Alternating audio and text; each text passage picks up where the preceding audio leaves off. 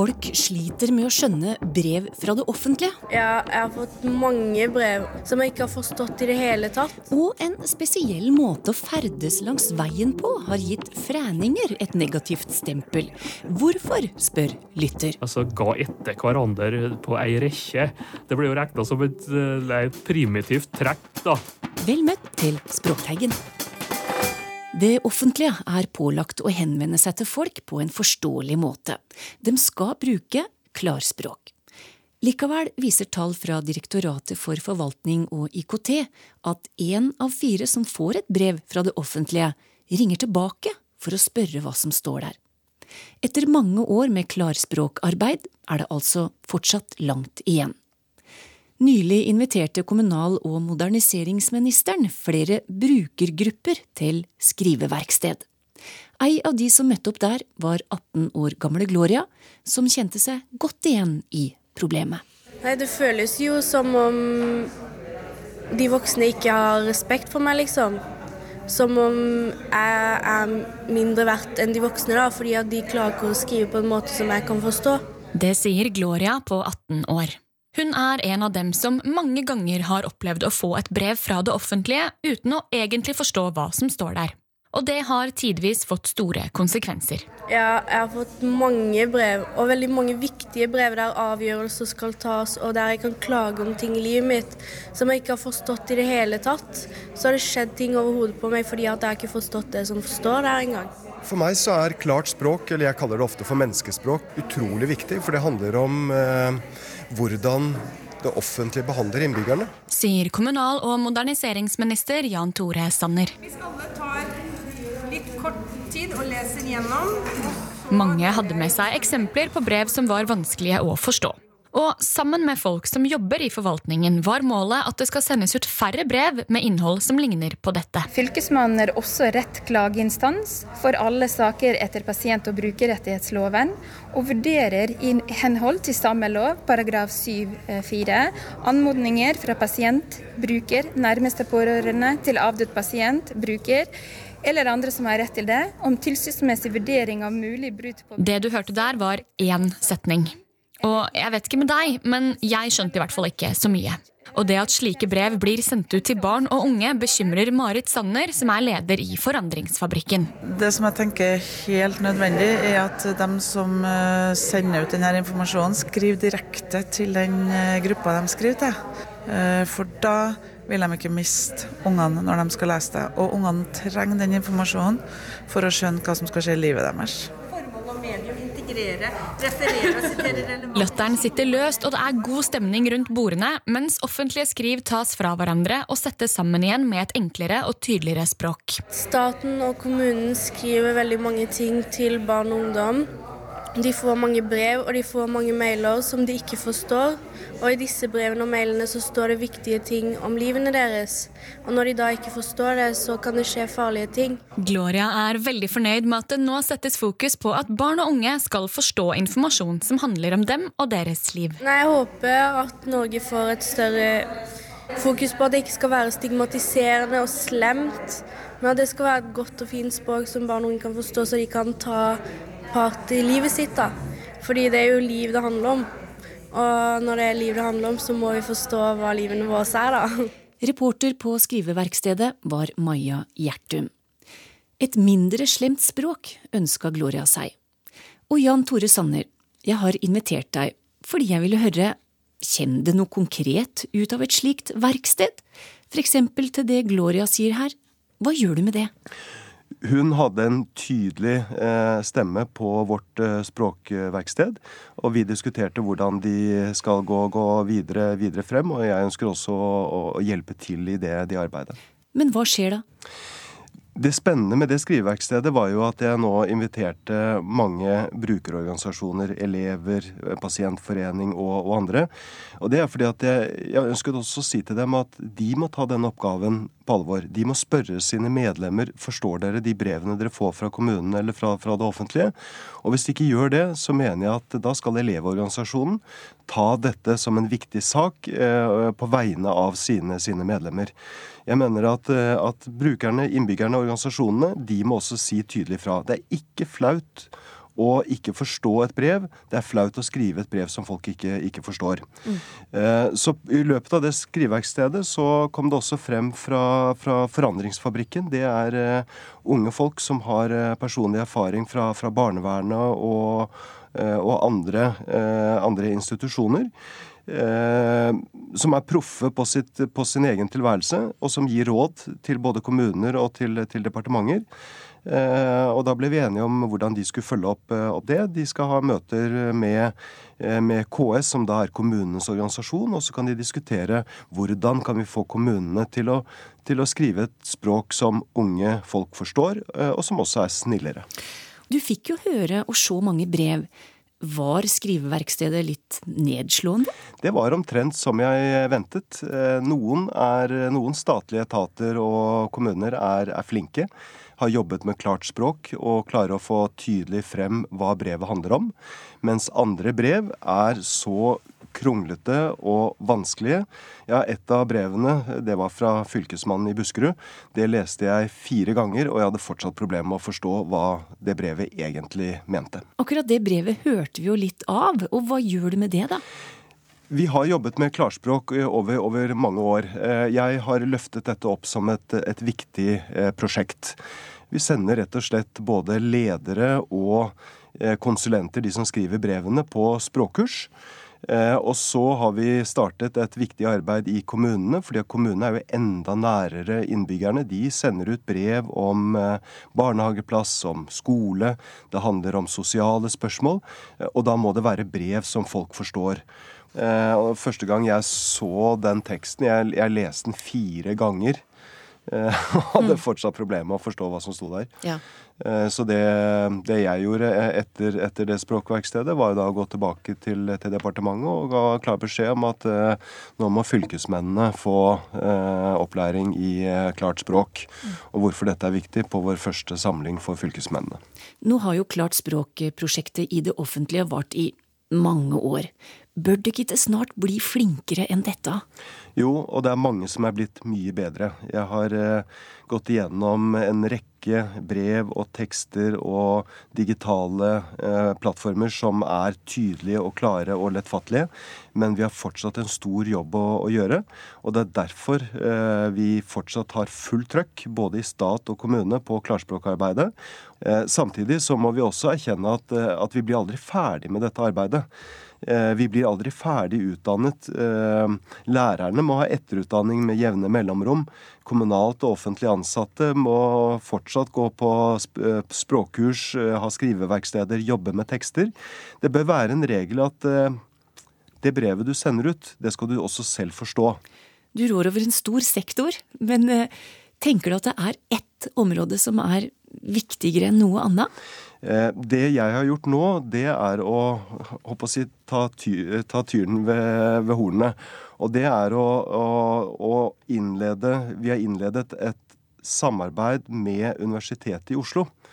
Eh, fordi at kjernen her er jo at hvis du har en vanskelig lov, så får du kompliserte forskrifter.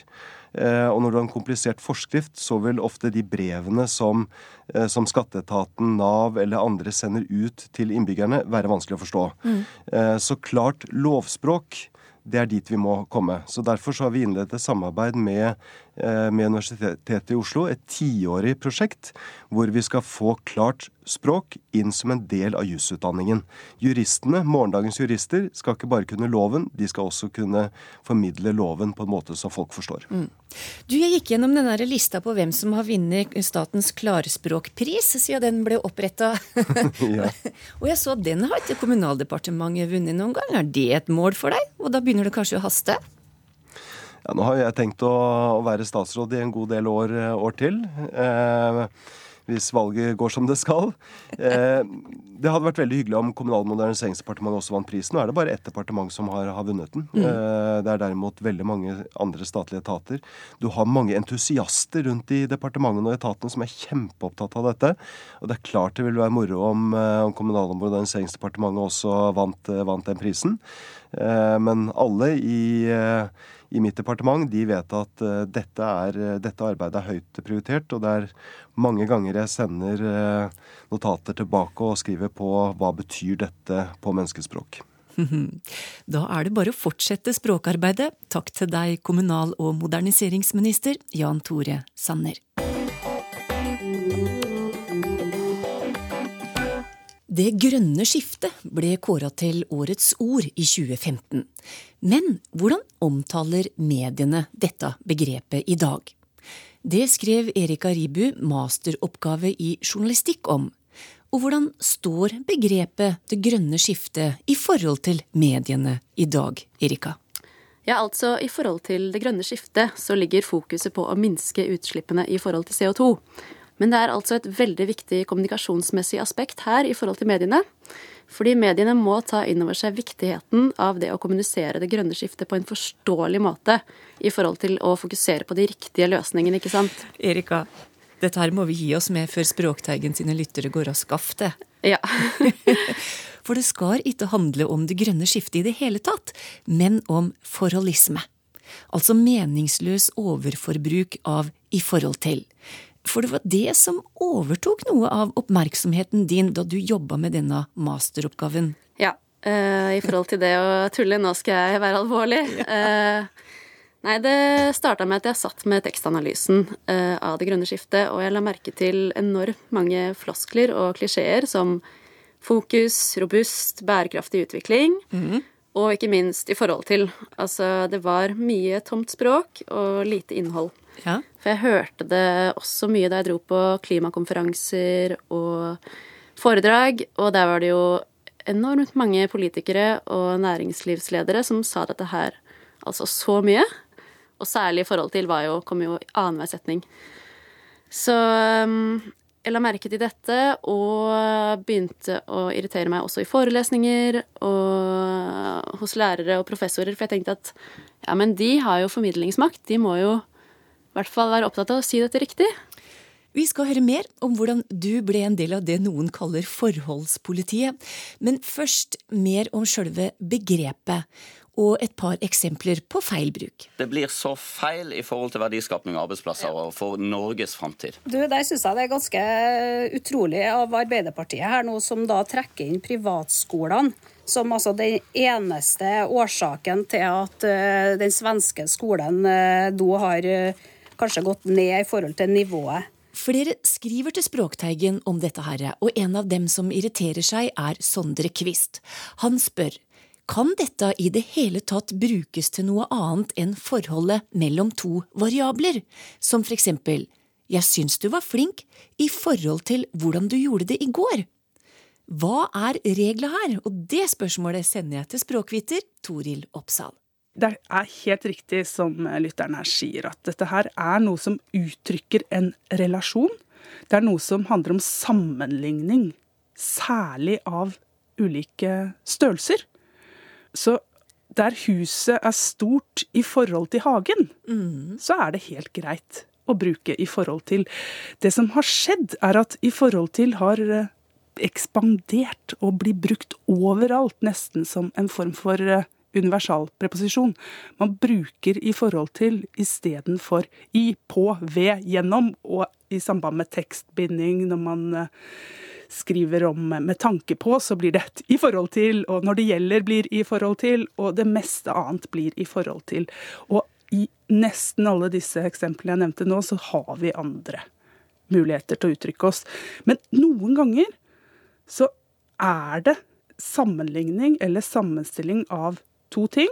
Og vi beskriver en relasjon, og da trenger vi i forhold til, særlig når det er et forhold som vi ikke veit helt hvordan ser ut. Mm -hmm.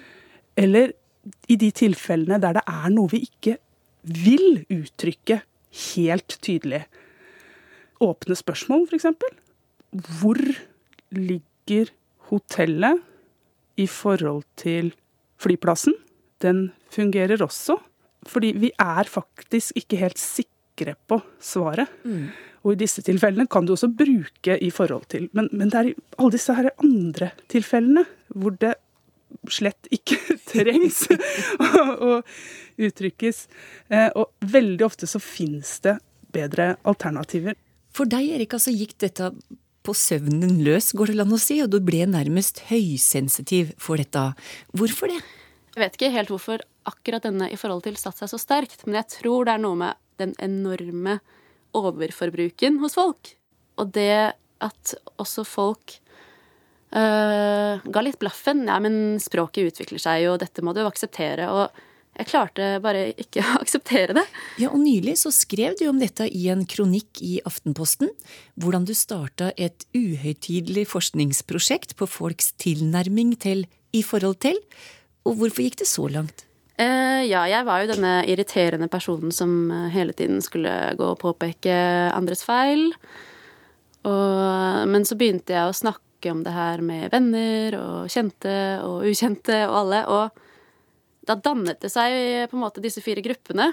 Uh, ettersom hvor sterkt påvirket man var av forholdismen, og hvor mye man ønsket å endre det slik at det blir brukt riktig. Ja. Eh, så det jeg fant ut, var at det fantes en eh, gruppe som var ekstremt påvirket av forholdismen, som syntes det var vanskelig å være i situasjoner hvor det forekom veldig mye. Og rykke til i kroppen hver gang eh, det ble sagt i forhold til. Og gikk til direkte aksjon, da, at de påpekte feilen hos andre. Mhm. Og så har du gruppe to, som også reagerer veldig sterkt på forholdismen, men som ikke ønsker å si fra like tydelig, eller ikke ønsker å si fra i det hele tatt. Fordi de kanskje syns det er litt uh, ufint å påpeke andres feil. Og Språket er jo veldig personlig, ikke sant. Det kan oppfattes som litt arrogant, det å mene at ja, jeg, jeg vet hvordan man snakker, men det vet ikke du, på en måte. Mm. Ja, og så har du de i gruppe tre, de som uh, gjorde meg litt bekymret. At uh, nei, men språket utvikler seg, det Sånn får det bare være, og tenkte ikke noe mer over det. Og så gruppe fire som ja, ikke forsto det i forhold til nei, hva, hva er det? Altså, det? Det er vel helt greit. Ja. ja, For å spørre som gruppe fire, da. Hvorfor er det så nøye? Jeg syns at det å bare tilegne seg nye uttrykk som kommer i språklig utvikling uten å være kritisk til dem, er et problem. Både hos offentlige personer og i vanlig befolkning. For det, da sprer det seg jo også videre i alle retninger. Um, men uh, særlig er det jo viktig i, hos dem som har formidlingsmakt. Og så gikk du altså konkret til verks da med en foreleser. Ja. Det starta med at han brukte det så mye at jeg klarte ikke å følge med på det han sa. Særlig for å innlede et nytt tema, så brukte han det mye sånn I forhold til uh, helse er det viktig at vi tenker på kosthold. Og så gikk jeg da og sa til han du bruker det helt feil. Og den første reaksjonen hans var jo nei, nei, nei. Det, sånn, jeg bruker det på denne måten. Jeg, jeg bruker det riktig. Og så sa jeg ja, nei, det er feil. og så ble jeg Og så har vi hatt en sånn samtale på det her et år, hvor jeg har hjulpet han med å skrive ned da, i forelesningene hans i hvilken sammenheng han bruker det riktig. Eller bruker det feil, mener jeg. Ja. Eh, og så har han da gått fra å bruke det feil i bøker, forelesninger og i studiemateriale til å fjerne det helt fra all tale og tekst. Og det syns jeg er kjempeimponerende. Veldig inspirerende. Så du føler faktisk at det nytter? Ja. Eh, det nytter å si fra. Kom dere som er fra, i gruppe to, kom dere opp til gruppe én. Begynn å si fra eh, på en humoristisk måte. Ha det gøy med dette. Jeg vil ikke gi meg før, det, før jeg i hvert fall har prøvd. Til slutt, Hvilken gruppe hører Toril Oppsal hjemme i? Jeg var med i den høysensitive gruppa lenge, men etter hvert så har jeg gått litt nedover i grupperingene. Men jeg gir ikke blaffen. Det gjør jeg ikke. Jeg vil en ting er å påpeke feil, jeg er kanskje ikke så opptatt av det, men en annen ting er å løfte fram alternativer. Her har vi så mange fantastiske preposisjoner på norsk. Bruk dem! Det får bli sluttappellen i dag. Legg bort i forhold til. Finn fram preposisjoner. Erik Aribu har mastergrad i journalistikk, og Toril Oppsal er en av Språkteigens faste språkvitere.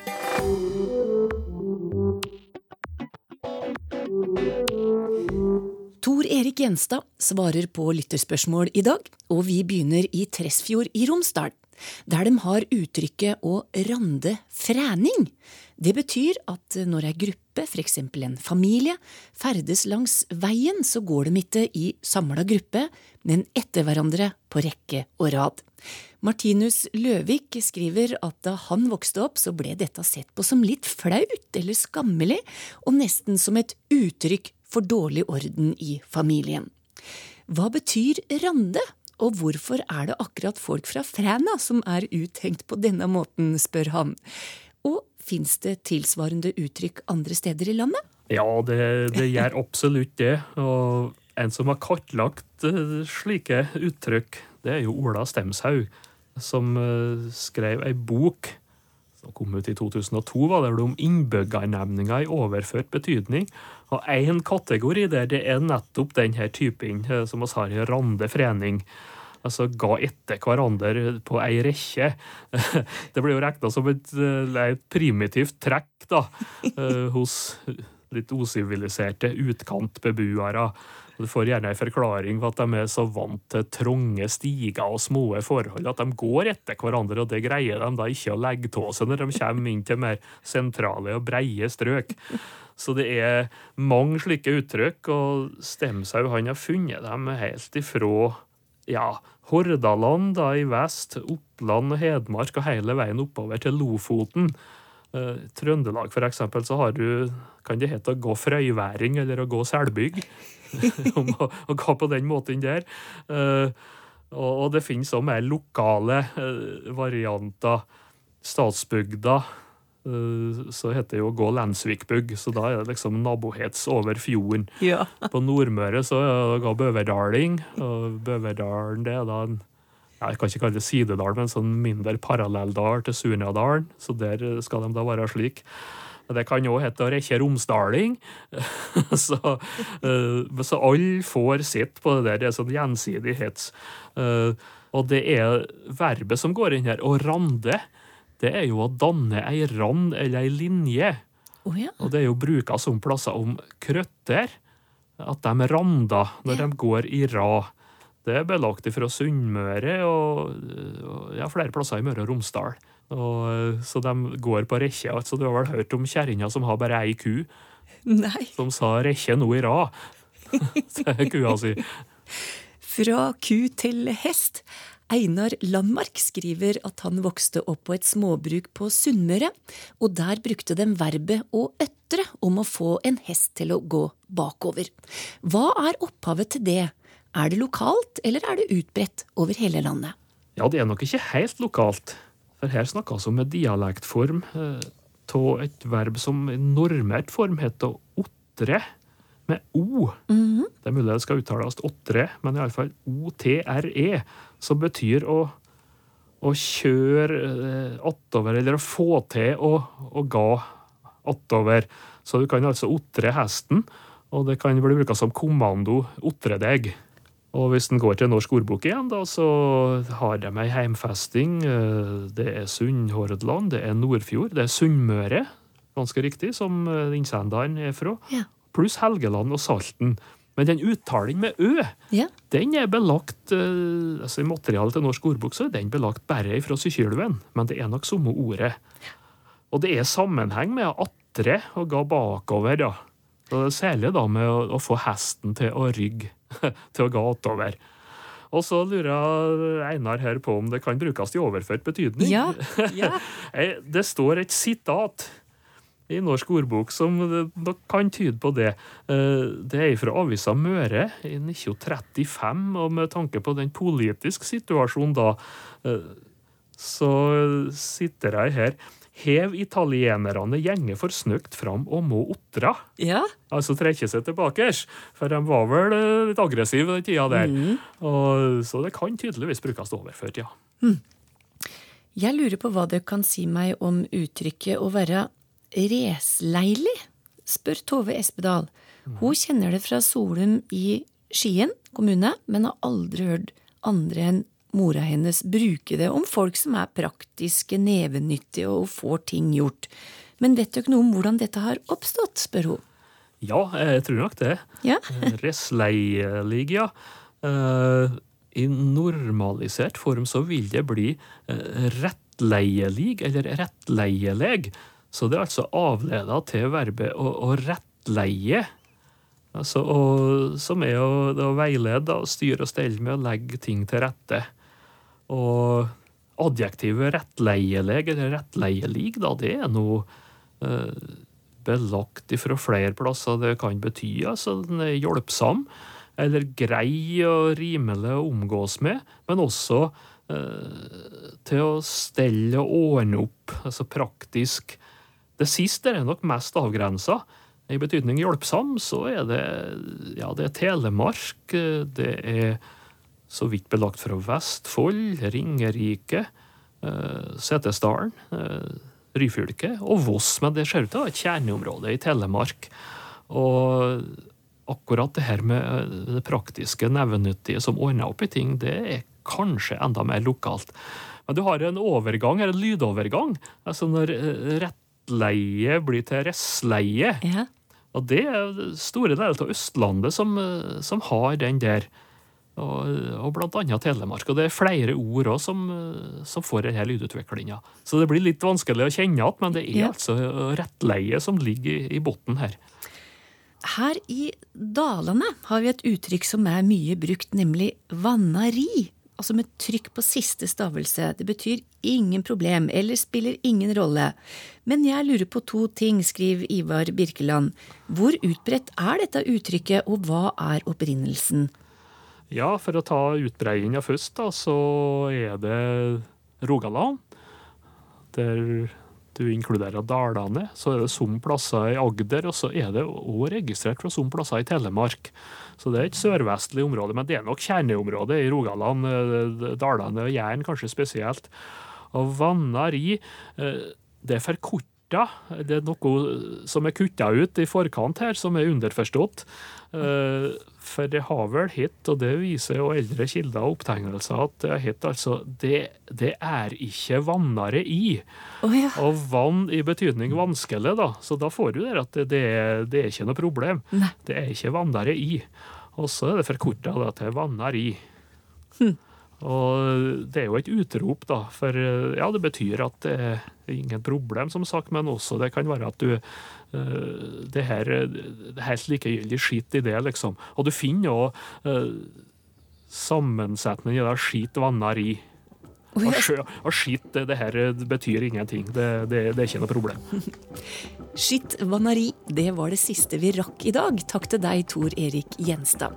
Vi tar gjerne imot flere spørsmål. Send dem til teigen, krøllalfa, nrk.no, eller bruk Facebook-sida til NRK P2 eller Språkteigen på Twitter.